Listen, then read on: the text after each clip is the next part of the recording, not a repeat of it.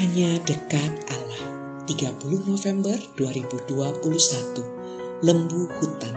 Ayub 39 ayat 12 sampai 15. Apakah lembu hutan mau takluk kepadamu atau bermalam dekat palunganmu? Dapatkah engkau memaksa lembu hutan mengikuti alur bajak dengan keluhan atau apakah ia akan menyisir tanah lembah mengikuti engkau? Percayakah engkau kepadanya karena kekuatannya sangat besar? Atau kau serahkankah kepadanya pekerjaanmu yang berat?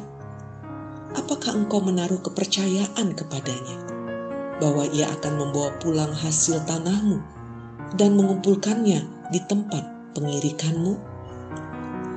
Serangkaian pertanyaan Allah kepada Ayub berkait dengan lembu hutan ini dengan mudah dijawab tidak Sehebat-hebatnya Ayub, tentu sulit bagi dia menaklukkan lembu hutan. Lagi pula mengapa pula meski menaklukkan lembu hutan? Bukankah di awal kitab Ayub diceritakan bahwa dia memiliki 500 pasang lembu? Buat apa dia menjinakkan lembu hutan? Bahkan, meski Ayub memberikan kepada lembu hutan itu makanan, tak mudah bagi Ayub untuk membuatnya menurut. Sesungguhnya, hanya Allah lah yang mampu menaklukkan lembu hutan.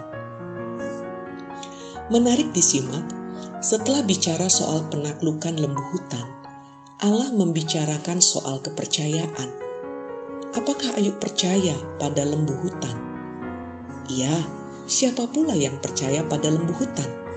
Kita tahu berapa hewan yang telah dijinakkan akan pulang sendiri ke kandang.